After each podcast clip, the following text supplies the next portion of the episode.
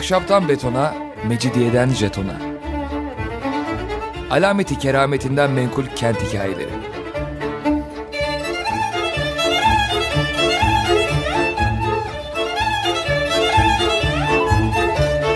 Hazırlayan ve sunan Pınar Erkan.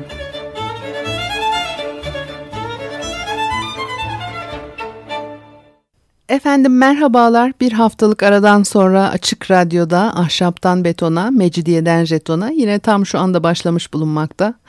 Anlatıcınız ben Pınar Erkan. Elektronik posta adresim pinarerkan.yahoo.co.uk Bugün size Kadıköy'deki sinema ve tiyatroları anlatmak istiyorum. Kadıköy'ün çehresi 100 yıl önce bugünkünden oldukça farklıydı. Aslında 1960'lara 70'lere kadar özgünlüğünü korumuş sayılabilir. Bu tarihten sonra çok hızlı bir değişimle kalabalık bir ilçe haline aldı. Zamboğlu ve Mısırlıoğlu bahçeleri Kızıl Toprak'ta meydana gelen e, tren kazası faciası, Papaz'ın bahçesinde yaz geceleri, eski kuş dili sineması, e, bugünkü e, tramvay e, müzesi ve e, Bahariye'deki bazı e, e, sinemalar onların yerinde eskiden ne vardı? Süreyya sinemasının misyonu, Kadıköy'ün meşhur primadonnası Suzan Lütfullah Sururi bugün e, anlatacaklarım arasında. Söğütlü Çeşme Caddesi altı yoldan Kadıköy iskelesine konservatuara e, doğru inen cadde. E, siz aşağıya doğru sağ koldan yürüyün. Halit Ağa Caddesi'ne sapınca pek kederli bir halde Halit Ağa Çeşmesi'ni göreceksiniz. Üstünde herhangi bir tabela yoktur. Hatta kim bilir kaç kere önünden geçerseniz de farkına bile varmamış olabilirsiniz. Oysa bu çeşme tam 234 yaşındadır bilir misiniz? Halit Ağa o zaman e, Zenci Harem ağası çeşmeye bu türden tarihi yapılara açık müze yaklaşımıyla tabela koymak çok güzel olurdu. Halit Ağa Çeşmesi etrafı e, tüm Kadıköy elbette şimdilerde sadece e, iş yerleriyle dolmuştur. E, her santim toprak e, pek de bir şeye benzemeyen bina bloklarıyla kaplıdır. Camdan ve betondan ibaret yapılar yan yana yan yana ve hatta birbirlerinin üstüne abanarak, tırmanarak dizilmişler. Üzerlerinde türlü çeşit ve büyüklükte tabelalar, ilanlar, kordonlar, lambalar asılı. Bunlar tıpkı eski zaman seyyar hırdavatçılarına benzerler bu halleriyle. Tek farkları yerlerinde çakılıp kalmışlıklarıdır. Ne yapsanız gözünüzün önünden kaldıramazsınız bu görüntü kirliliğini. Önlerinde cadde boyu iki yana yığılmış arabalarda cabası, Oysa çok değil birkaç on sene öncesinde buraları köşk ve konaklarla doluydu. Her yer bahçelikti. Örneğin Halit Ağa Çeşmesi'nden 200 metre kadar ileride sağda bir köşk bulunurmuş. Ee, Halit Ağa Çeşmesi ile ilgili hiçbir zil çalmadı beyninizin o tıka basa dolu odalarının kapılarında ama Bankasının sokağından içeri girin 200 metre ilerideymiş dersem belki daha kolay bilirsiniz nereden söz ettiğimi. Burası köşkün yeri. Etrafı duvarlarla çevrili. Bahçe kapısı demirdenmiş ve e, Zamboğlu bahçesi diye bilinirmiş. Bankerlikle uğraşan bir Rum e, Zamboğlu. Onun biraz ilerisinde de Mısırlıoğlu'nun bahçesi gelmekte. Kendileri hayattayken bu köşkler ve bahçeler çok bakımlıymış. Fakat öldükten sonra mirasçılar buraları gazino ve e, lokanta olarak kiralamışlar başkalarına. E, Kadıköy'de ilk sessiz film Zamboğlu'nun bahçesinde gösteriliyor. Fakat kısa sürmüş bu yenilik. E, oğullarından biri kumarda babadan kalma servetin tamamını bitiriyor. E, Halit Ağa Caddesi'nde başka konakları da varmış bu ailenin rivayete göre. Sokaklardan birine ailenin adı verilmiş. Bugün e, altı yolda eskiden minibüslerin döndüğü sokağın adı Bayram Yeri Sokak. Muhteşem e, e, bahçe bayram yeri, bayram yeri olarak e, kullanılmış betonlaşmadan önce. E, aklımda yanlış kalmadıysa Duygu Esena e, çocukluğunda bu sokaktaki ahşap evlerden birinde otururmuş. Anılarında camda e, futbol oynayan mahallenin çocuklarını seyrettiklerini anlatır kız kardeşiyle. Bayram yeri küçüle küçüle daracık kısacık bir sokak olmuş. Eski halinden eser yok. Kendi gitmiş adı kalmış. E, Duygu Asena'nın kız kardeşi İnci Asena meşhur gazeteci Halit Çapı'nın eski eşi. Eski Türkiye güzeli şimdilerde ne yapıyor bilmiyorum. Halit Çapı'nı anmak istedim aslında. E, Arda Uskan filan biri daha vardı adını anımsayamadım şimdi. Hepsi rahmetli oldu. Luna Park gibi bir eğlencelik yer e, kurulurmuş bu sokağında dahil olduğu alanda. Yüzyılın başı sözünü ettiğim. Tabii e, bayram zamanları bu Luna Park tarzı e, küçüklü büyüklü yerler eskiden çok e, revaçta olan yerlerdi. Şimdiki halinde düşününce yüzyıl ne büyük bir zaman dilimi ve de ne kısa aynı anda bir insan ömrüyle bağdaştırabildiğiniz her şey sığıyor yüzyıla. Bir insanı kendi yapan her şey ve bir toplumu da kendi olmaktan çıkaran her şey. Yel değirmeninde sinemaya çevrilen başka yerler de olmuş ama bunların devamı gelmiyor. Ayrıca Mısırlıoğlu bahçesi de yazlık sinema olarak kullanılmış. Mısırlıoğlu bahçesi çok bakımlı ve güzelmiş. Fıskiyeli havuzu, büyük bir malikane ve müştemilatları bulunmaktaymış içinde. Yavuz Türk sokağından bir girişi varsa da asıl süslü çift kanatlı kapıları Söğütlü Çeşme e, Caddesi ve Halit Ağa Caddesi'ne açılanlar. Bölgeyi bilenler varsınlar hayal etsinler. Yine e, mirasçılar bahçeyi yazlık sinemaya çevirmişler. Tiyatro temsilleri de veriliyor. O zamanın meşhurlarından Komik Fahri Bey, Naşit ve Zeki Beyler de zaman zaman bu bahçeye gelirlermiş. Şeker ve kurban bayramlarında kalabalıktan dolayı film makinesi hızlı işletilerek bir saatlik film yarım saatte indirilirmiş. Ee, kocaman konağın ahır ve mutfağı gündüz sinema salonu olarak işletiliyor. Düşünün artık konağın büyüklüğünü. Bu şekilde 25 yıldan fazla e, hizmet vermiş bu bahçe. Sonra e, parsellenerek satılıyor. Apartmanlarla doluyor içi. Günümüzde de buraları çirkin sokaklardır. Fenerbahçe Stadyumu'nun arka tarafından e, Papaz'ın Bahçesi denen bir yer var. Bunu artık e, herkes öğrendi galiba bilmeyen kalmadı. İltaş sitelerinin bulunduğu alandır Papaz'ın Bahçesi. Demiryolu yakınında buralarda bir bina varmış 1918'den önceki yıllarda temsiller verilirmiş Dilküşah Tiyatrosu ömrü kısa Dilküşah Tiyatrosu'nun bulunduğu dar yola bir süre papaz çıkmazı sonra tiyatro sokağı denmiş ama e, sitelerin yapılmasıyla hepsi kaybolup gidiyor. Fenerbahçe e, Stadyumu Kadıköy Bostan, Bostancı istikametinde iki cadde arasında e, konumlanmıştır. Deniz tarafındaki değil de Ziverbey'e bakan tarafında eskiden de yolmuş o cadde.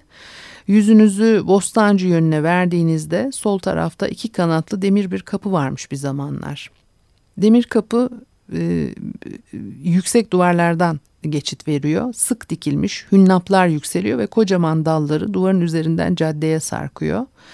Duvarın arkasında kalan geniş bahçenin bir tarafı tren yoluna dayanıyor ve içinde asırlık ağaçların heybeti sokaktan görülürmüş. Papazın bahçesi işte burası. Çınar, kestane, ardıç, meşe, kavak, çam ağaçlarından başka erik, ayva, armut, e, e, hünnap, kayısı, ceviz ağaçlarından oluşan bir de meyvelik içeride her yıl bol ürün verirmiş. Eski vakitte üzümleri de e, pek meşhurmuş. Bu nedenle bir adı da e, papazın bağı. E, bu bölgede e, çok bağ var. E, kuyu başında da var e, meşhur bağlar onları da başka bir programda e, anlatırız. 1930'larda kalmamış ama bağ filan arazinin bir bölümünde sebze yetiştiriliyor diğer bölümünde ekin ekiliyormuş. Ermeni Katolik Patrikhanesi kiralıyor araziyi. Geniş bahçenin su ihtiyacı büyük bir bostan kuyusundan karşılanırmış. Kuyunun etrafında e, başı dönmesin diye gözleri bağlanmış bir atın çevirdiği, melodik gıcırtılarla dönen su dolabı ve e, su tulumbasını çektiği buz gibi sular bir havuza dolar buradan bahçeye dağılırmış. Pazar günleri rahibe okulunun kızları gelip burada piknik yapıyorlar. Anarat Hıgrutyun Ermeni Kız Mektebi'nden söz ediyorum. E, kalmadı tabii bugün bu işte dediğim gibi yüzyılın e, başında olan mektepler bunlar. Ayrıca Saint Joseph Okulu'nun öğrencileri de gelirmiş. Kaynaklarda sadece iki okulun adı veriliyorsa da Kadıköy'deki Rum, Ermeni, Musevi misyoner okullarının sayısı 18'i geçiyordu o devirde. Hepsinin e, zaman zaman öğrencilerini buraya getirdiğini tahmin edebiliriz. E, Cemil Bey adında birisi burada bir gazino açmış. Ahmet Rasim, Hafız Burhan, Osman Nihat, Neyzen Tevfik, Kemal Niyazi Seyhun, Tamburacı Osman Pehlivan, Sururi ailesinin erkekleri e, papazın bahçesinin devamlı müşterileri arasındalar. Hatta Refi Cevat Ulunay'a bir gün e, gazetesinde otururken Ahmet Rasim papazın bağında rehin kaldım 2 lira gönder yazılı bir e, pusula göndermiş elden. O zamanlar gazeteci olmak tıpkı tiyatrocu, çalgıcı olmak gibi bir şey. E, daima borç içindeler. Ahmet Rasim bunu çok güzel aktarır e, ki kitaplarında. E, para kazanılamıyor bu meslekten. Adını saydığım ve saymadığım birçok kişi buradaki gazinonun müdavimi e, müzik, edebiyat, şiir ve anıların konu edildiği tadına doyulmaz sohbetlerle güneş çok kere bu kıymetli insanların üzerine doğarmış. Peki acaba bu ağaçları buraya ilk kim dikmiş ve kimmiş e, bu papaz? Buraların ilk sahibi çok önemli bir din adamı olan Kardinal Andon Hasunyan. 1809'da Beyoğlu'nda doğmuş Ermeni kızların eğitimini sağlamak üzere bir dernek kurmuş. Hasunyan e, bu dernekle birçok ülkede çeşitli okullar açıyor. Uzun yıllar Doğu işlerinde Papa'nın e, güvenilir yardımcısı olarak görev yapmış. 1866 yılında dünyadaki Katolik Ermenilerin patriği seçilmiş. İleriki yıllarda ise kardinalliğe yükselmiş. Kardinallik Papa'dan sonra gelen en büyük dini rütbe. E, papazın bahçesi olarak bilinen arazinin içinden Haydarpaşa Gebze istikametinde giden demiryolu geçmekte. Demiryolunun üst tarafına düşen bölümde Hasunya'nın kagir bir evi varmış. Günümüzde buralarda gökdelen tipi çok katlı birkaç apartman görebilirsiniz. Evin önünden Bağdat Caddesi'ne uzanan bahçe arazisi 22 dönüm tutuyormuş. 1872 yılında Haydarpaşa İzmit Demiryolu inşası başlayınca tren yolu Hasunya'nın bahçesini ikiye bölüyor Ev tren yolunun üst tarafında yüksekçe bir tepenin üzerinde kalıyor. Bahçenin alt tarafına geçebilmek için e, demiryolu üzerinden köprü aşırmışlar. Birinci Dünya Savaşı sırasında Haydarpaşa'dan Suriye ve Irak cephelerine asker sevkiyatı yapılmakta. Tek ulaşım demiryolu olduğundan vagonlar tıka basa dolu hatta vagonların üstüne de binmişler gidiyorlar. Hasunya'nın bahçesinden geçerken pek çok erin başı e, köprünün demirlerine yapışıp kalmış. Böyle de korkunç bir faciaya tanık papazın bahçesi. Bu olaydan sonra yıktırılmış bu köprü. E, Kardinal Hasunyan 1800'lerin sonunda ölünce evi ve bahçesi Ermeni Kız Rahibe Okulu'nun kullanımına e, kalıyor. Adamcağız e, dini gereklere uygun olarak hiç evlenmemiş. Dolayısıyla mirasçısı yok. E, rahibe okulu burasını yazlık olarak kullanmış uzun zaman. Ortada vasiyet olmadığından mahkemesi tam 30 yıl sürmüş. Birkaç el değiştirdikten sonra bahçe işte burada site inşa eden şirkete kalmış ve e, araziye apartmanlar konduruluyor. Kagir konağın bulunduğu Yüksekçe Tepe demir yolu seviyesine indiriliyor. Topografyayla müthiş oynanmış. Bugünkünden çok daha farklı bir yapı var o dönemde orada. Yollar açılıyor ve Kardinal Hasunya'nın aklına gelmeyecek bir sonla bir zamanların meşhur papaz bağı yok olmuş gitmiş.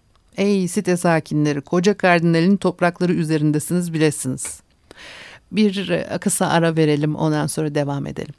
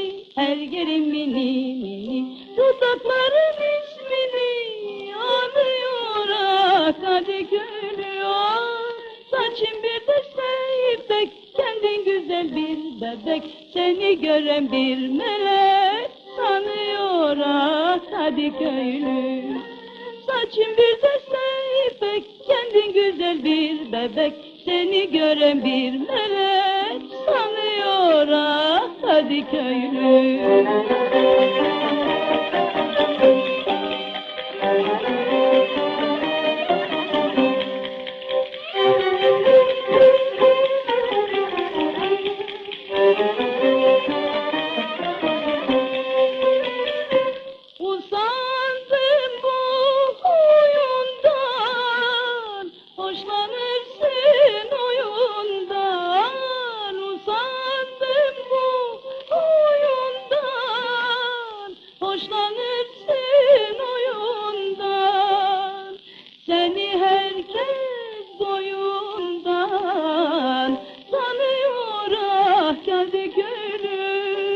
Yapma bu kadar şaka beni bastırma baka yüreğime dakika yanıyor ah Kadıköylü ah saçın bir de seybek kendin güzel bir bebek. Seni gören bir melek sanıyor ah Kadıköylü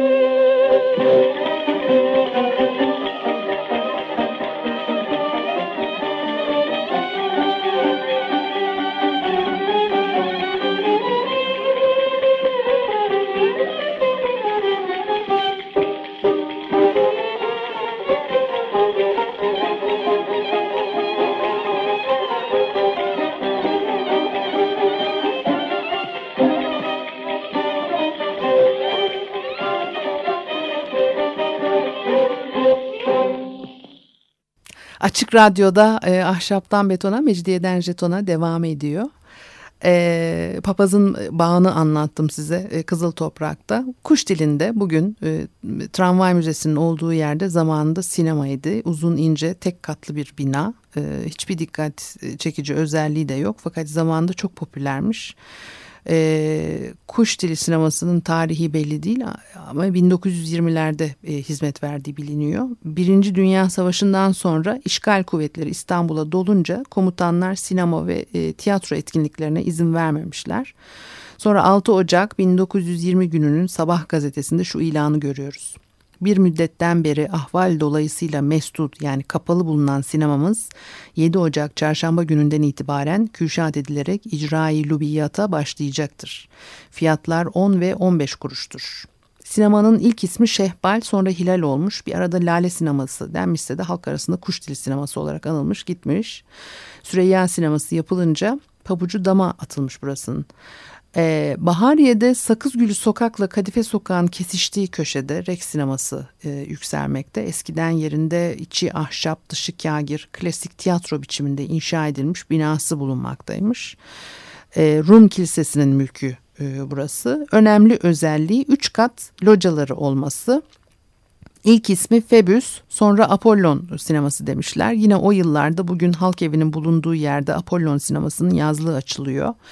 Naşit, İsta, e, İsmail Dümbüllü gibi büyük komedyenler temsiller veriyorlar. Afife Jale Hanım ilk defa Apollon sinemasında sahneye çıkmış. O zamanlarda Türk kadınlarının tiyatro yapması hoş karşılanmadığından olay çıkıyor ve Afife Jale'yi arka kapıdan kaçırıyorlar. Kadıköy'ün nüfusu arttıkça bu salon yetersiz kalmaya başlıyor. 1961 yılında eski bina yıkılmış ve yenisi inşa edilmiş. O zamandan beri de sinema olarak hizmet veriyor ve Bahariye'nin en bilinen en eski sinemalarından biridir. Kadıköy'de Süreyya sineması ayrı. Süreyya Paşa Abdülhamit dönemi seraskerlerinden Rıza Paşa'nın oğlu. E, hayır işleri yapmaya çok meraklı bir adam. Kadıköy'ün gelişiminde onun önemli bir e, payı var. Yoğurtçu Parkı'nın e, Haydarpaşa Köprüsü'nün yapılışı, elektriğin, tramvayın Kadıköy'e gelişi, moda iskelesinin yapımı gibi birçok işte onun emeği geçmiş. Ee, Süreyya Sineması'nın öyküsü de Kadıköy tarihi için önemli. Okullarla ilgili bir müsamere yani gösteri düzenlenecek. O sıralar İstanbul işgal altında ve birçok okul kapatılmış. Çocuklar okulsuz kalmış. Kurulan eğitim komisyonları durumu düzeltmeye çalışıyor.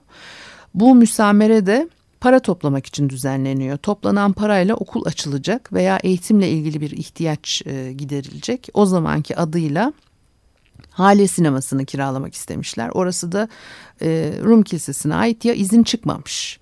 Kadıköy'ün ileri gelenleri bu duruma pek içerliyorlar ve kendimize ait bir sinema, tiyatro, bir gösteri salonumuz niye yok bizim diyerek işe girişiyorlar ve Süreyya Paşa böyle bu işi üstleniyor, e, bu işi kotarıyor.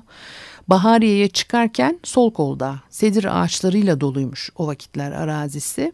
1923'te inşaatına başlanıyor, 1927'de de açılıyor. Fuayesi Paris'in Şanzelize Tiyatrosu'nun fuayesiyle eş, iç bölümü klasik Alman tiyatrolarının etkisini e, yansıtıyor. Sıradan bir e, salon değildir gerçekten. E, hele bugün hani baktığımız zaman e, eskiden kalma o dönemi yansıtan bir e, sinema olarak karşımıza çıkıyor. Bir Viyana seyahatinde Süreyya Paşa gördüğü bir tiyatro sahnesini burada canlandırmayı arzulamış. E, sinema çok e, gösterişli bir merasimle açılıyor ve ilk film gösteriliyor. Halk seyretmiş gidiyor. Arkadan salonu kontrol için gezenler afalayıp kalmış olsalar gerek. Koltuklardaki şurada buradaki kadifeleri jiletle kesip çıkarmışlar ayakkabı parlatmak için. Sonraki yıllarda e, kadife yerine ahşap koyulmuş. Selimiye'deki askerlere haftada bir gün ücretsiz film seyrettirilirmiş. Kayıkçılara, hamallara da bir kontenjan ayrılmış ama bir süre sonra bu çaba tavsamış çünkü askerler, kayıkçılar ve hamallara çok cazip gelmemiş herhalde bu batı usulü eğlence. Ee, bu sinema e, Kadıköy'de batı tarzı yaşam tarzının bir parçası olsun, eğlence anlayışına, zeng anlayışına zenginlik getirsin, e, asriliğin yerleşmesine e, katkıda bulunsun diye tabii açılıyor. Ee, sinemanın üst katında balo salonları var. Davetler verilirmiş.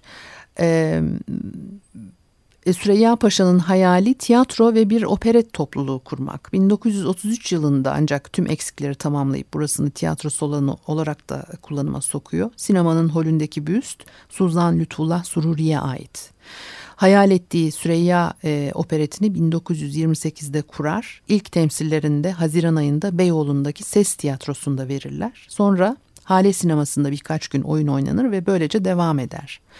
Süreyya opereti o yıllarda çok ses e, getirmiş.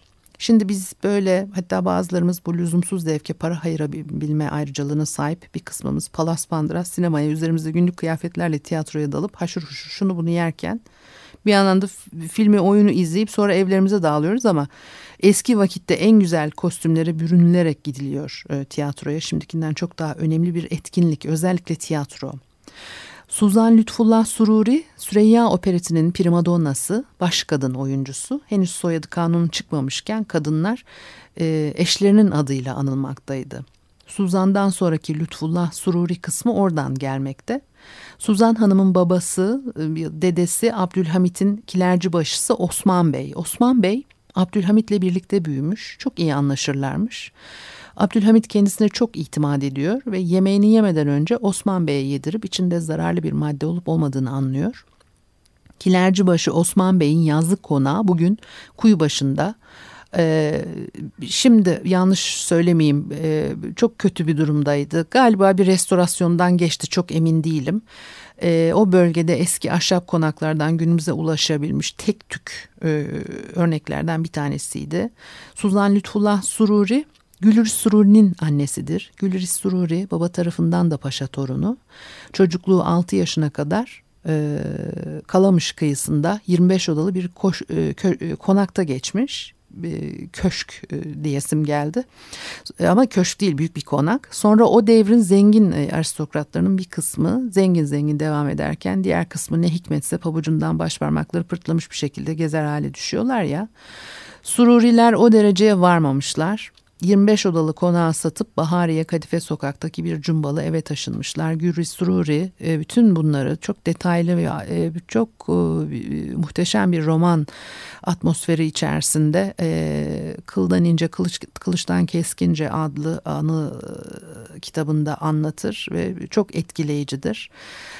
Babaannesiyle uzun süre e, modada yaşıyor e, Gülriz Sururi annesini kaybettikten sonra Sururi ailesinin e, bu kuşaktaki tüm üyeleri tiyatrocu çıkıyor ve Osmanlı'nın son döneminden Cumhuriyete geçişte bu ailelerin yaşadıkları o dramlar, travmalar bunlarla nasıl baş ettikleri, nasıl yeni hayatlarına uyum sağladıkları ve pek çoğunun nasıl Cumhuriyet'in kuşağının öncüleri olarak pek çok alanda bize hizmet verdiklerini bu anılardan anlamak, takip etmek çok mümkün. Onun için çok kıymetli bu e, bu e, kitaplar. E, Suzan Hanım en küçük sururi olan Lütfullah Bey ile evlenerek aileye gelin e, geliyor. Süreyya operetiyle büyük başarı kazanıyorlar. Bugün umarsızca yürüdüğümüz o Bahariye Caddesi'nde bir zamanlar Suzan Lütfullah Sururi'nin sesiyle e, çınlıyormuş anlayacağınız birçok oyunlar koyuyorlar sahneye ve çok başarılı oluyorlar. Suzan Hanım'la Lütfullah Sururi çok büyük bir aşkla bağlıymışlar birbirlerine. Çok da gençler. Çok genç yaşta Gülriz Sururi henüz 4 yaşındayken 1932 yılında erken patlayan safra kesesi nedeniyle ölüyor Suzan Hanım. Aslında vaktinde kaldırmışlar hastaneye. Ancak kendisini ameliyat edecek olan doktor bugün Ramazan arifesi yarın da ilk günü Allah'ın izniyle öbür gün yaparız ameliyatı deyip gitmiş. Tabi safra kesesinin Ramazan teferruatlarından haberi yok. Maalesef 24 yaşındaki bu son derece başarılı, yetenekli operet sanatçımız dayanamamış. Ee, bazen aldığımız bir karar, yaptığımız veya yapmadığımız bir tek şey yaşamda kocaman gedikler açabiliyor. Doktor Bey de Ramazan arifesi kaprisiyle tarih yazdı bir günde. Gülriz Sururi çok zor bir yaşam geçirmiş. Annesiz kalınca tüm ailenin yaşamı etkilendi bu ölümden. Ee, beyin koridorlarınızda böyle bir malumat mevcut mu bilmiyorum ama Sururiler e, Türk tiyatro tarihinin çok önemli isimleri. Gülriz Sururi'yi televizyondaki yemek programıyla öğrenmiş olanlar çok şey kaçırdılar. Çok uzun zamandır elbette e, e, televizyonda da yok. 8-10 yaşlarındayken kendisini kaldırım serçesi Edith Piaf rolünde izleyebilmiş olmaktan dolayı kendime çok şanslı görüyorum. Anne yaşamış olsaydı bugün sadece Sururilerin değil Türkiye'nin tiyatro tarihinin de akışı değişik olacaktı. E, son bir cümle. Lütfullah Bey kahroluyor karısı ölünce. Hayat hikayesi uzun tabii. Ben de anlatacak değilim şimdi ama bir gün Kadıköy vapurunda doktoru görüyor Lütfullah Sururi ve adamı tuttuğu gibi denize fırlatıyor. Bu haftalık da bu kadarmış. Elektronik posta adresim pinarerkan.yahoo.co.uk Haftaya görüşmek üzere, hoşçakalın.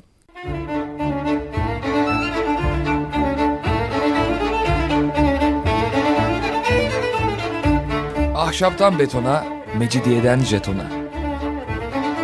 Alameti kerametinden menkul kent hikayeleri.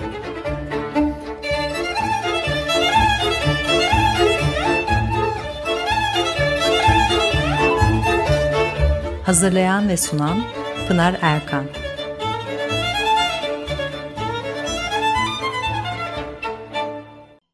Açık Radyo program destekçisi olun. Bir veya daha fazla programa destek olmak için 212 alan koduyla 343 41 41